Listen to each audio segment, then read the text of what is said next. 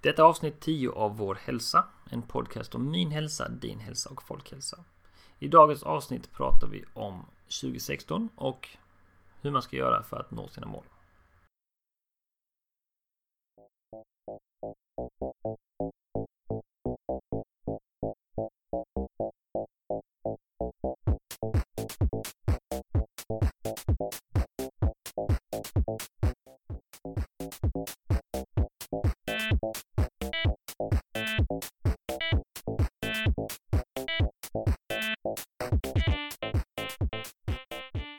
Hej alla lyssnare! Andreas här och välkommen till Vår Hälsa.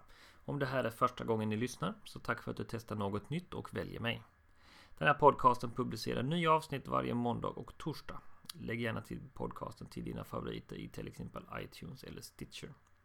Du kan också följa mig på Facebook, bara sök efter vårhälsa.nu. Dagens inslag sker i samarbete med hälsostil.se, den enda förmedlingen du behöver ha koll på om du söker föreläsare inom livsstil och hälsa. Då står vi här på 2015s sista dag. Och eh, idag är ju en dag då många passar på fattar nyårslöften. Gärna publikt så att alla kan hjälpa till att stötta och eller mobba under året som kommer över om man når dessa mål eller inte. Jag kan tycka att det är lite stressande att sätta klockrena mål. Det är naturligtvis många som jobbar väldigt bra med det. Till exempel att någon vill tappa 10 kilo och verkligen går in för det. Då är det absolut bra så att säga. Men mål kan ju också vara lite uppstressande och göra att folk eh, beroende på vilka mål man sätter helt enkelt stressas och inte når det man önskar.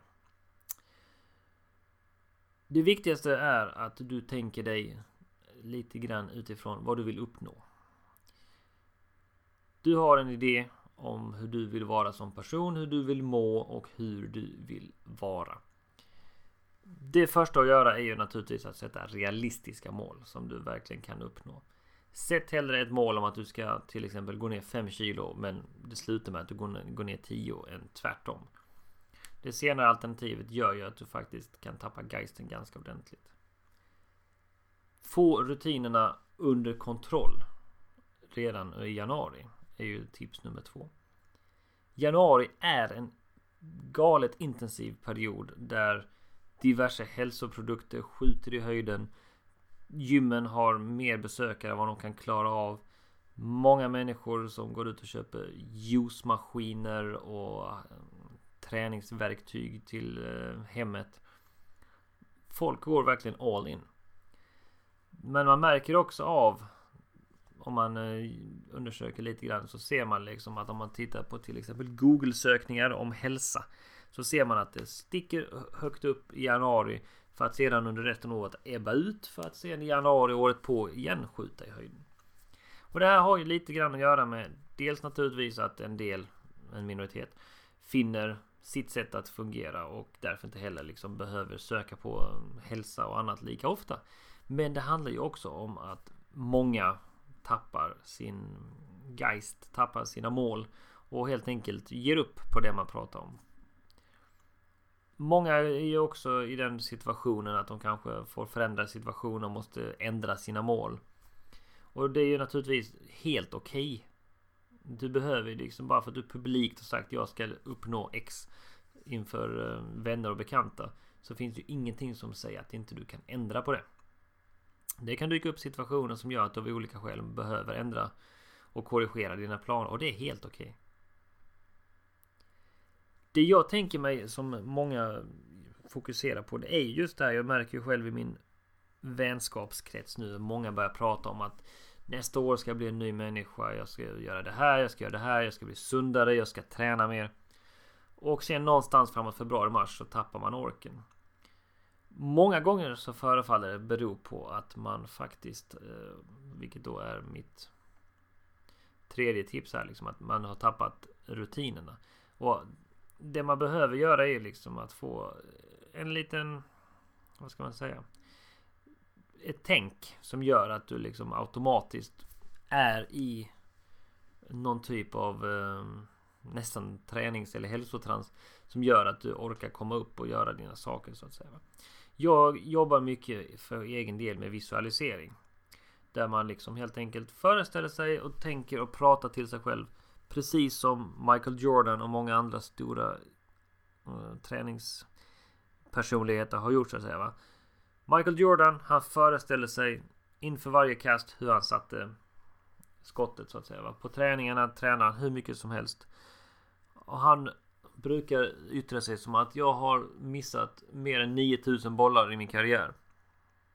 Men varje miss kom, gjorde att jag kom närmare målet. Och det är ju som så att man kan ju faktiskt sätta mål som man behöver korrigera. Det har vi nämnt. Men det är viktigt. Det är tokviktigt att du verkligen föreställer dig vem du vill bli så att säga. Va? Under detta året. Skaffa en bit eh, pappkartong. Gör ett collage med vad du vill uppnå under året. Vill du träna mer? Hitta några bilder som du tycker känns wow. Som på en person som tränar till exempel. Vill du byta bostad? Ska jag hitta en bild på ett hus eller vad du nu vill flytta till. Som liknar någonting du skulle kunna tänka dig bo i. Vill du gå ner i vikt, hitta en person som har uppnått samma sak som kanske haft en större utmaning än vad du har haft och känn motivationen. Ta lite tid och sätt ihop en vision board tidigt i januari liksom där du lägger in allting du önskar uppnå. Vare sig det är nytt jobb, eh, du kanske vill träffa han eller hon som är Mr eller Mrs Right. Du vill komma ut och resa och får du ner de här på en bit kartong där du har gjort liksom ett collage med bilder som du har hittat som verkligen du får sådana wow. Så är faktiskt chanserna mycket större att du når det du önskar så att säga. Visualisering är inte någon hokus pokus utan varenda framgångsrik atlet har på något sätt använt sig av visualisering. Och de pratar också om det ganska öppet. Hur många gånger har man inte hört Tiger Woods eller andra idrottsstjärnor prata om att ja, men jag såg bollen gå i redan innan jag slog. Det är det det handlar om. Va? Du ska se vad du vill uppnå. Eh, och helt enkelt sträva efter den bilden i varje andetag så att säga. Det finns en eh, motivational speaker som heter Eric Thomas som pratar om att You need to want to succeed as bad as you want to breathe. Alltså du ska våga lyckas lika mycket som du behöver andas. Jag tänkte jag skulle ta och nämna om man då är ute efter hälsoaspekten här att man vill få lite eh, ordning på sin hälsa under 2016 och känna att okej, okay, men nu är det min tur. Nu är det dags. Jag har skjutit upp det här. Nu ska allting bara komma i ordning. Så har jag tagit fram en liten, alltså vi har ju alla telefoner med oss överallt. Och personligen så älskar jag appar eh, till telefonen. Jag tycker det är jätteroligt med alla dessa små verktyg som faktiskt kan få en stor, eh, ett stort genomslag på ja, hur man eh, produktiv man är, hur man mår och så vidare. Så jag tänkte jag skulle tipsa om fem appar för det nya hälsoåret. Den första appen jag skulle tipsa om är en app som heter Hydro Coach. Alltså Hydro Coach. Och det är ju då helt enkelt vatten vet ju alla det är bra att dricka men de flesta glömmer bort att dricka tillräckligt under dagen. Då är Hydrocoach en app som du behöver. Det är en app som påminner dig baserat på kön, ålder, vikt, träningsnivå, om du ammar eller inte. Och att dricka rätt mängd vatten under dagen. Det är en snygg, enkel och eh, faktiskt uppmuntrande app som, eh, som samtidigt ger dig diverse andra tips. Och eh, den finns till Android. Och det finns liknande appar till Apple. Runkeeper Eh, är ett program jag använder för att hålla lite koll på hur långt jag springer, hur fort jag springer. Och eh, det är något som kan få mig motiverad att ständigt pusha gränsen för varje runda jag är ute. Det finns en uppsjö av appar för detta. Vi har danska Endomondo, vi har Runtastic. Eh, det finns Run Zombie Run där du springer från zombies. Men jag har fastnat för Runkeeper. Jag tycker det är enkelt, det är direkt och den info som jag vill ha. Och på den telefon jag har så har GPSen fungerat lite vassare än eh, Endomondo gjorde. För min del hade jag stora problem med Endomondo. Men Runkeepers har det alltid varit snabbt att hitta GPSen. Och jag ser utvecklingen runda för runda. Den finns eh, både till Android och till Apple as well. MyFitnessPal eh, börjar visserligen bli mer och mer som en community. Men där har du kaloriräknare, du har recepten, du har databasen över diverse maträtter. Och då träningstipsen.